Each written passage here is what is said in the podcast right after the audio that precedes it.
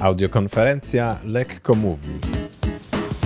Pierwsza w Polsce konferencja do słuchania poświęcona tematom biznesowym. Edycja druga. Dzień drugi. Marketing opowieści. Zapraszamy. Wciąż przeważająca część produktów i usług jest kierowana do mężczyzn, ale przecież około połowa globalnej populacji to kobiety.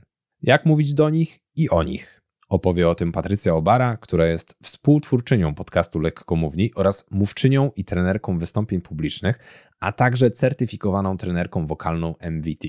Swoje przemówienie zatytułowała Jak mówić do kobiet i o kobietach. Dawno, dawno temu, kiedy jeszcze większość z nas pracowała w biurach, dość częsty był taki obrazek. Open space, a w nim jednocześnie dwie pory roku. Mężczyźni w cienkich, późnowiosennych koszulach i kobiety w grubych, zdecydowanie zimowych swetrach. Znasz ten obrazek? Okazuje się, że on wynikał z błędnych założeń. Założeń, że metabolizm spoczynkowy przeciętnego, ważącego 70 kg 40-letniego mężczyzny jest normą. Tymczasem metabolizm kobiet jest średnio o 35% wolniejszy, co sprawia, że idealna dla mężczyzn temperatura dla kobiet jest po prostu za niska. Mam dla Was jeszcze kilka, nazwijmy to, ciekawostek, o których w swojej książce Niewidzialne kobiety pisze Caroline Criado Perez. Na początek coś z bliskiego mi świata sztuki. Otóż kobietom trudniej osiągnąć perfekcję w grze na pianinie i częściej cierpią z powodu kontuzji wywołanych ćwiczeniami gry. Dlaczego? Dlatego, że szerokość standardowej klawiatury została zaprojektowana z myślą o większej, męskiej dłoni. Idźmy dalej. Technologie. Systemy rozpoznawania mowy w samochodach gorzej radzą sobie z żeńskimi głosami. Popełniają więcej błędów w przetwarzaniu mowy na tekst albo w ogóle nie wykonują wydawanych przez kobiety komend. Na szczęście Tom Schalk, wiceprezes ATX Group, firmy produkującej tego typu systemy, ma już dla nas rozwiązanie tego problemu. Kobiety powinny po prostu zabrać się do roboty i w ramach treningu wokalnego nauczyć się mówić głośniej i wprost do mikrofonu, no i niżej. I wtedy wszystko będzie działać wzorcowo. Dalej, smartwatche, reklamowane jako neutralne płciowo, są za duże na kobiece nadgarstki, a standardowe zestawy VR często są za duże na kobiece głowy. Ekrany smartfonów są z kolei za duże na kobiece dłonie i kieszenie, bo trzeba tutaj dodać, że kobieca odzież rzadko ma sensowne kieszenie, albo w ogóle jakiekolwiek. A skoro już o tym, to ciekawostki ze świata mody. Może znacie tę sytuację, kiedy kobieta przychodzi na spotkanie w nowej sukience czy spódnicy i pada jakiś komplement na ten temat. Na przykład, że fajna sukienka albo ładny kolor. A właścicielka natychmiast się rozpromienia i mówi: No wiem, a do tego ma kieszenie. Ach, no i jeszcze leginsy. Super dopasowane sportowe leginsy w typie second skin, które mają szef po środku. I ten szef podczas treningu doskonale podkreśla no wiecie co. Ale te leginsy są naprawdę super. Wystarczy założyć do nich bardzo długi t-shirt. To jeszcze ciekawostki językowe. Autokorekta Google w różnych językach poprawia prawidłowe formy żeńskie na męskie, uznając żeńskie za błędne. Ja na przykład uparcie piszę, że coś, dajmy na to, stworzyłam, ale na szczęście zawsze mogę liczyć na to, że autokorekta uprzejmie podkreśli ten błąd na czerwono i poinformuje mnie, że jednak stworzyłem. Idąc dalej, badania dowodzą, że użycie niby neutralnej formy męskiej w ogłoszeniach o pracę sprawia, że kobiety rzadziej na te stanowiska aplikują i rzadziej dobrze im idzie na rozmowie kwalifikacyjnej. Użycie tej formy w testach psychologicznych sprawia natomiast, że kobiety inaczej odpowiadają na pytania, co powoduje zafałszowanie wyników. No i jeszcze zdrowie. Kobiety częściej giną bądź doznają poważnych obrażeń w wypadkach samochodowych, dlatego że crash testy przeprowadzane są na manekinach o parametrach męskich ciał. A dodatkowo kobiety częściej umierają na zawał serca, bo standardowa lista objawów dotyczy mężczyzn. Zresztą, że tak pozwolę sobie tutaj wtrącić taki dowód anegdotyczny, kiedy moja ciocia miała zawał serca, szczęśliwie została poinstruowana przez ratowników medycznych, jak ma mówić o swoich objawach, żeby nie została odesłana do domu, co początkowo jej groziło, bo objawy, które sama opisywała, nie bardzo pasowały do zawałowej checklisty. Dlatego Caroline Criado Perez pisze, że kobiety są niewidzialne. Brakuje nam danych dotyczących połowy globalnej populacji, a tam, gdzie nie ma danych, zostaje niewidzialność i nietrafione rozwiązania stworzone w oparciu o stereotypy, ale do tego jeszcze za moment wrócę. Według Forbesa kobiety są bezpośrednio lub pośrednio odpowiedzialne za 85% zakupów konsumenckich. Kobiety kupują także ponad 50% produktów tradycyjnie kierowanych do mężczyzn, jak samochody, materiały remontowe i elektronika konsumencka. 40% pracujących kobiet w Stanach Zjednoczonych zarabia więcej niż ich partnerzy. Według organizacji Catalyst kobiety kontrolują światowe wydatki na łączną sumę 31,8 biliona dolarów. Pomijanie ich w komunikacji, wyłączywszy już nawet kwestie etyczne, najzwyczajniej się dziś już nie opłaca. Z drugiej strony, niepomijanie wcale nie jest takie łatwe. Wcale nie tak rzadko zdarza się, że kreując przekaz adresowany do kobiet, organizacje kierują się stereotypami i opartymi na nich skojarzeniami, a nie danymi, bo danych jest przecież za mało lub nie są łatwo dostępne. Firmy oferują więc kobietom produkty i przekaz, które jakoś im do tej tradycyjnie rozumianej kobiecości pasują, albo przekaz zbudowany na wzorcu męskim, no bo przecież to jest neutralna norma. Ale gdyby tak jednak poszukać, to można się zaskoczyć. Na przykład z danych zebranych przez Think with Google wynika, że kobiety znacznie chętniej wyszukują na YouTube filmiki instruktażowe typu How to niż, jak można by założyć, filmiki o urodzie. Matki z pokolenia milenialsów wcale nie wyszukują w sieci przede wszystkim treści parentingowych. Znacznie częściej wyszukują treści związane z samorozwojem. 67% z nich deklaruje, że po urodzeniu dzieci nadal realizują swoje pasje. A jeśli chodzi o filmiki ze wskazówkami dla rodziców, to niezależnie od grupy wiekowej, nieco częściej oglądają je mężczyźni. Co więcej, w przypadku kobiet istnieje o 50% wyższe prawdopodobieństwo niż w przypadku mężczyzn, że będą treści edukacyjne oglądać regularnie, ucząc się w ten sposób nowych umiejętności. Pewna Amerykanka, Cara Brookins, na przykład nauczyła się z YouTube'a, jak zbudować dla swojej rodziny dom. I zbudowała. Od stworzenia projektu architektonicznego, aż po gotowy, sześciopokojowy budynek w 9 miesięcy, rękami swoimi, czworga swoich dzieci i jednego zaprzyjaźnionego strażaka. Idąc dalej, w przypadku kobiet w wieku od 18 do 34 lat istnieje dwukrotnie wyższe prawdopodobieństwo, że będą miały dobre zdanie o marce, jeśli jej reklamy skupią się na umacnianiu kobiet. I tu, dla ścisłości, mężczyzna w garniturze wybawiający kobietę z porządkowych opresji poprzez wręczenie jej nowego, lepszego proszku do prania lub płynu do naczyń, to nie jest umacnianie. Używanie kobiety jako ozdoby, oczywiście najlepiej w negliżu, też nie. Na marginesie już w 2015 roku badania American Psychological Association dowiodły, że seks tak naprawdę nie sprzedaje. Wręcz przeciwnie, im bardziej zseksualizowany jest przekaz, tym słabiej jest zapamiętywany. Za to w przypadku takich kampanii jak na przykład Like a Girl, hashtag Like a Girl obalających stereotypy, wzmacniających poczucie własnej wartości dziewczynek i kobiet, istnieje o 80% większe prawdopodobieństwo, że kobiety zalajkują wyświetlane im reklamy, a nawet udostępnią, skomentują lub zasubskrybują powiązany z nimi kanał. A dodatkowo 85% kobiet deklaruje, że jeśli jakaś marka im się podoba, pozostaną jej lojalne. To jest przeogromny marketingowy potencjał. Skuteczność w dotarciu do tej grupy wymaga wyjrzenia poza najczęściej stosowane schematy, pozaodruchowo wykorzystywane skojarzenia i wzorce, również w zakresie opowiadania historii.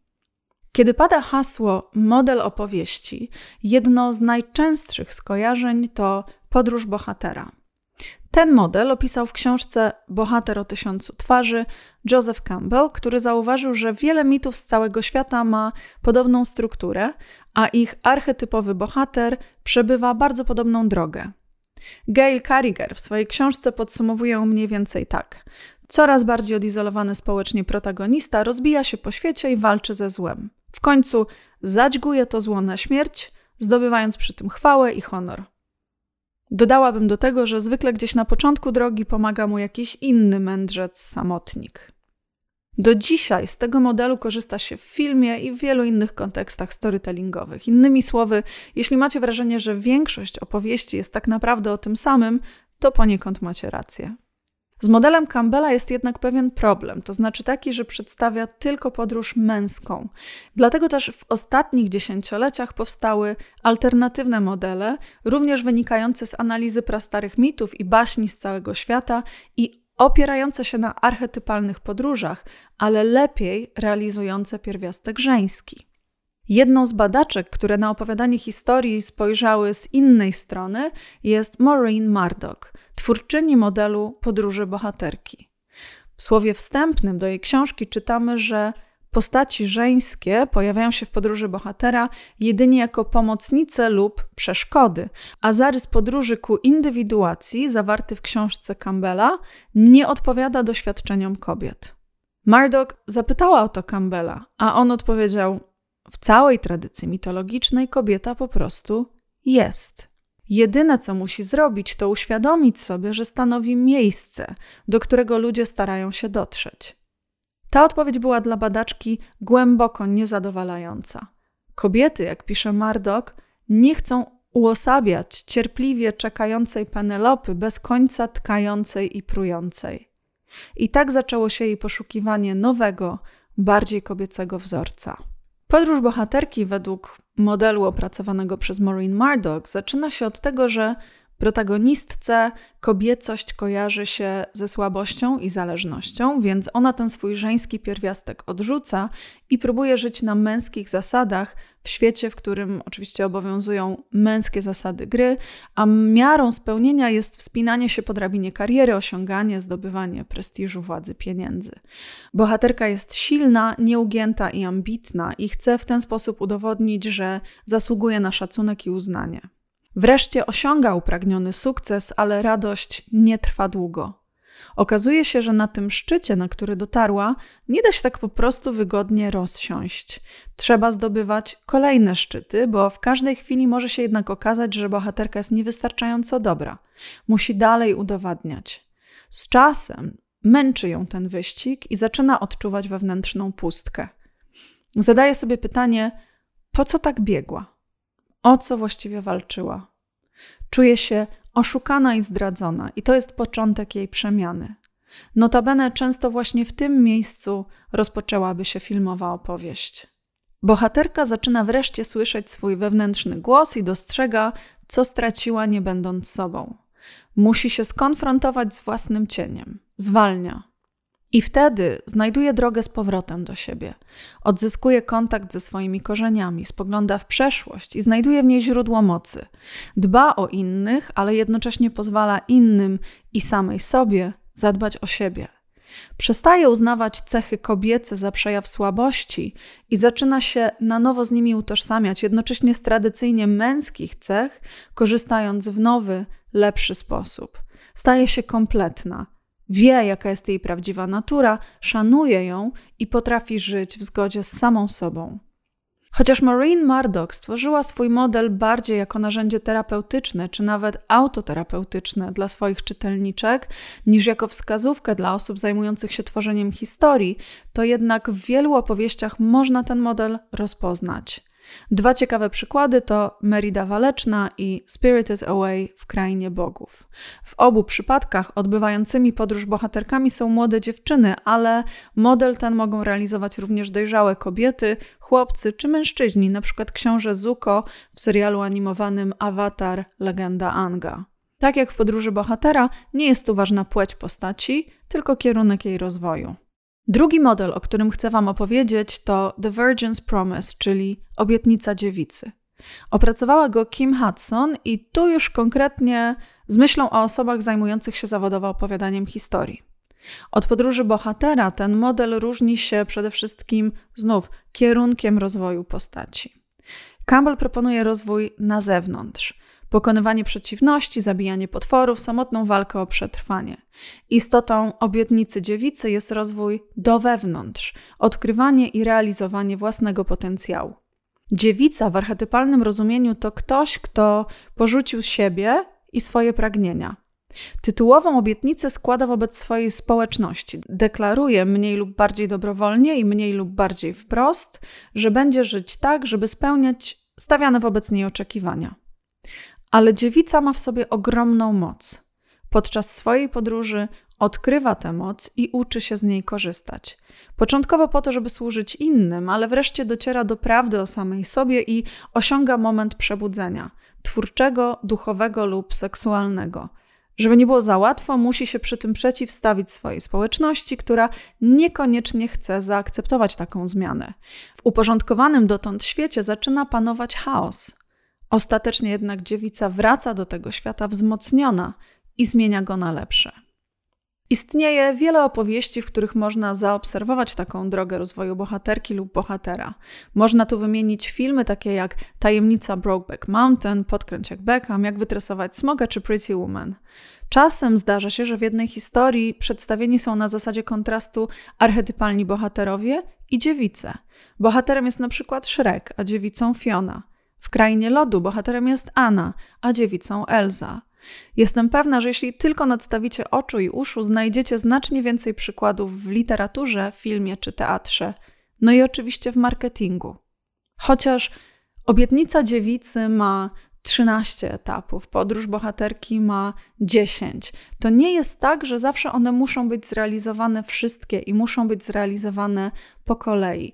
Czasem wystarczy jedna scena, jedno ujęcie, jedno spojrzenie aktorki czy aktora, i już wiemy, że to właśnie ta opowieść. I tutaj wrócę do kampanii umacniających czy kampanii empowermentowych, w których kobiety odkrywają siebie, odkrywają źródła własnej mocy, rozwijają się, zdobywają, ale nie po to, żeby udowodnić coś na zewnątrz, tylko po to, żeby dotrzeć do czegoś w sobie. Podsumowując, wrócę do Gail Carriger, która pisze, że między męską a kobiecą wersją podróży jest pięć zasadniczych różnic. Po pierwsze, cel. Bohater zwykle musi pokonać wroga lub zdobyć jakiś cenny łup. Bohaterka chce odnaleźć kogoś, kogo straciła, w tym samą siebie. Ważne jest dla niej nawiązywanie relacji, w tym z samą sobą. Po drugie, nastawienie. Bohater zwykle działa w ofensywie, aktywnie dąży do zabicia wroga. Bohaterka dąży do realizacji swoich celów poprzez komunikację i zbieranie informacji. Nie jest zdobywczynią, tylko budowniczą, a jej wrogowie to samotność i izolacja. Po trzecie, źródło siły. Bohater musi swoich czynów dokonać sam. Prośba o pomoc czy zależność od innych to dla niego słabość. Dla bohaterki prośba o pomoc i wsparcie ze strony innych osób jest oznaką siły. Po czwarte, moc. Bohater w swoim momencie mocy jest sam. Jego ikoniczne momenty to te, w których wykazuje intelektualną lub fizyczną wyższość nad kimś innym. Bohaterka najpotężniejsze momenty przeżywa wśród innych ludzi, z którymi zwykle jest w bliskich, intensywnych emocjonalnie relacjach. Po piąte, zakończenie. Bohater musi wiele poświęcić w czasie swojej podróży, więc koniec jego historii jest słodko-gorzki. Niby wygrał, ale albo jest zbyt potężny, żeby wrócić do starego świata, albo już nie potrafi funkcjonować wśród innych ludzi, więc po prostu umiera samotnie, względnie popada w nauk lub udaje się do pustelni. Zakończenie podróży bohaterki częściej jest szczęśliwe. Zostajemy ją w otoczeniu rodziny i lub przyjaciół, bezpieczną i z dobrymi widokami na przyszłość. Kiedy przygotowywałam się do tego przemówienia, Michał Kasprzyk zapytał mnie, czy rzeczywiście kobietom bardziej podobają się takie historie. Odpowiedź nie jest taka jednoznaczna. Niektóre odbiorczynie, podobnie jak niektórych odbiorców, opowieść o odnalezieniu własnej prawdy i szczęścia poruszy. Inne i inni uznają, że to trochę jakby cheesy, bo no bo one, oni akurat wolą, jak ktoś popyla z mieczem i zatłukuje smoki, a nie się z nimi zaprzyjaźnia, jak czkawka ze szczerbatkiem, wie jak wytresować smoka. No nuda. Znaczy, dobra, ja akurat kocham ten film i ryczę zawsze na nim jak bubr i w ogóle uważam, że smoków nie powinno się zabijać. Tak czy inaczej, badania jednoznacznie wskazują na to, że storytelling zorientowany bardziej na kobiety to luka, którą trzeba wypełnić. A może i skutkiem ubocznym będzie dotarcie przy tej okazji do kilku mężczyzn, których średnio bierze to, że taki na przykład męski jogurt to koniecznie musi mieć czarną etykietę. Patrycjo, bardzo Ci dziękuję za Twoje wystąpienie w imieniu wszystkich słuchających. No a Was, drodzy słuchacze, zapraszam do zadawania Patrycji pytań w dedykowanym poście na LinkedInie. Jeśli zainteresował Was temat przemówienia, zajrzyjcie na stronę Patrycji wrocławska szkoła śpiewu.pl lub na jej profil na LinkedInie. Jeśli potrzebujecie szkolenia lub konsultacji w temacie wystąpień publicznych, piszcie na kontakt małpa lekkomowni.pl. A jeśli chcecie wyprodukować podcast i potrzebne Wam wsparcie, piszcie na kontakt małpa cleverhearted.com. Subskrybujcie marketing opowieści w swojej ulubionej aplikacji podcastowej, żeby śledzić nasze działania po audiokonferencji. W podcaście znajdą się wywiady z różnymi osobami, które stosują marketing opowieści w swoich działaniach, więc warto, myślę, dowiedzieć się, czym będą chcieli się podzielić. Z kolei na stronie cleverhearted.com znajdziecie nasze webinary i informacje o tym, jak produkujemy podcasty dla naszych klientów. Wszystkie podane adresy e-mail i strony znajdziecie w opisie odcinka. Dziękujemy za wysłuchanie.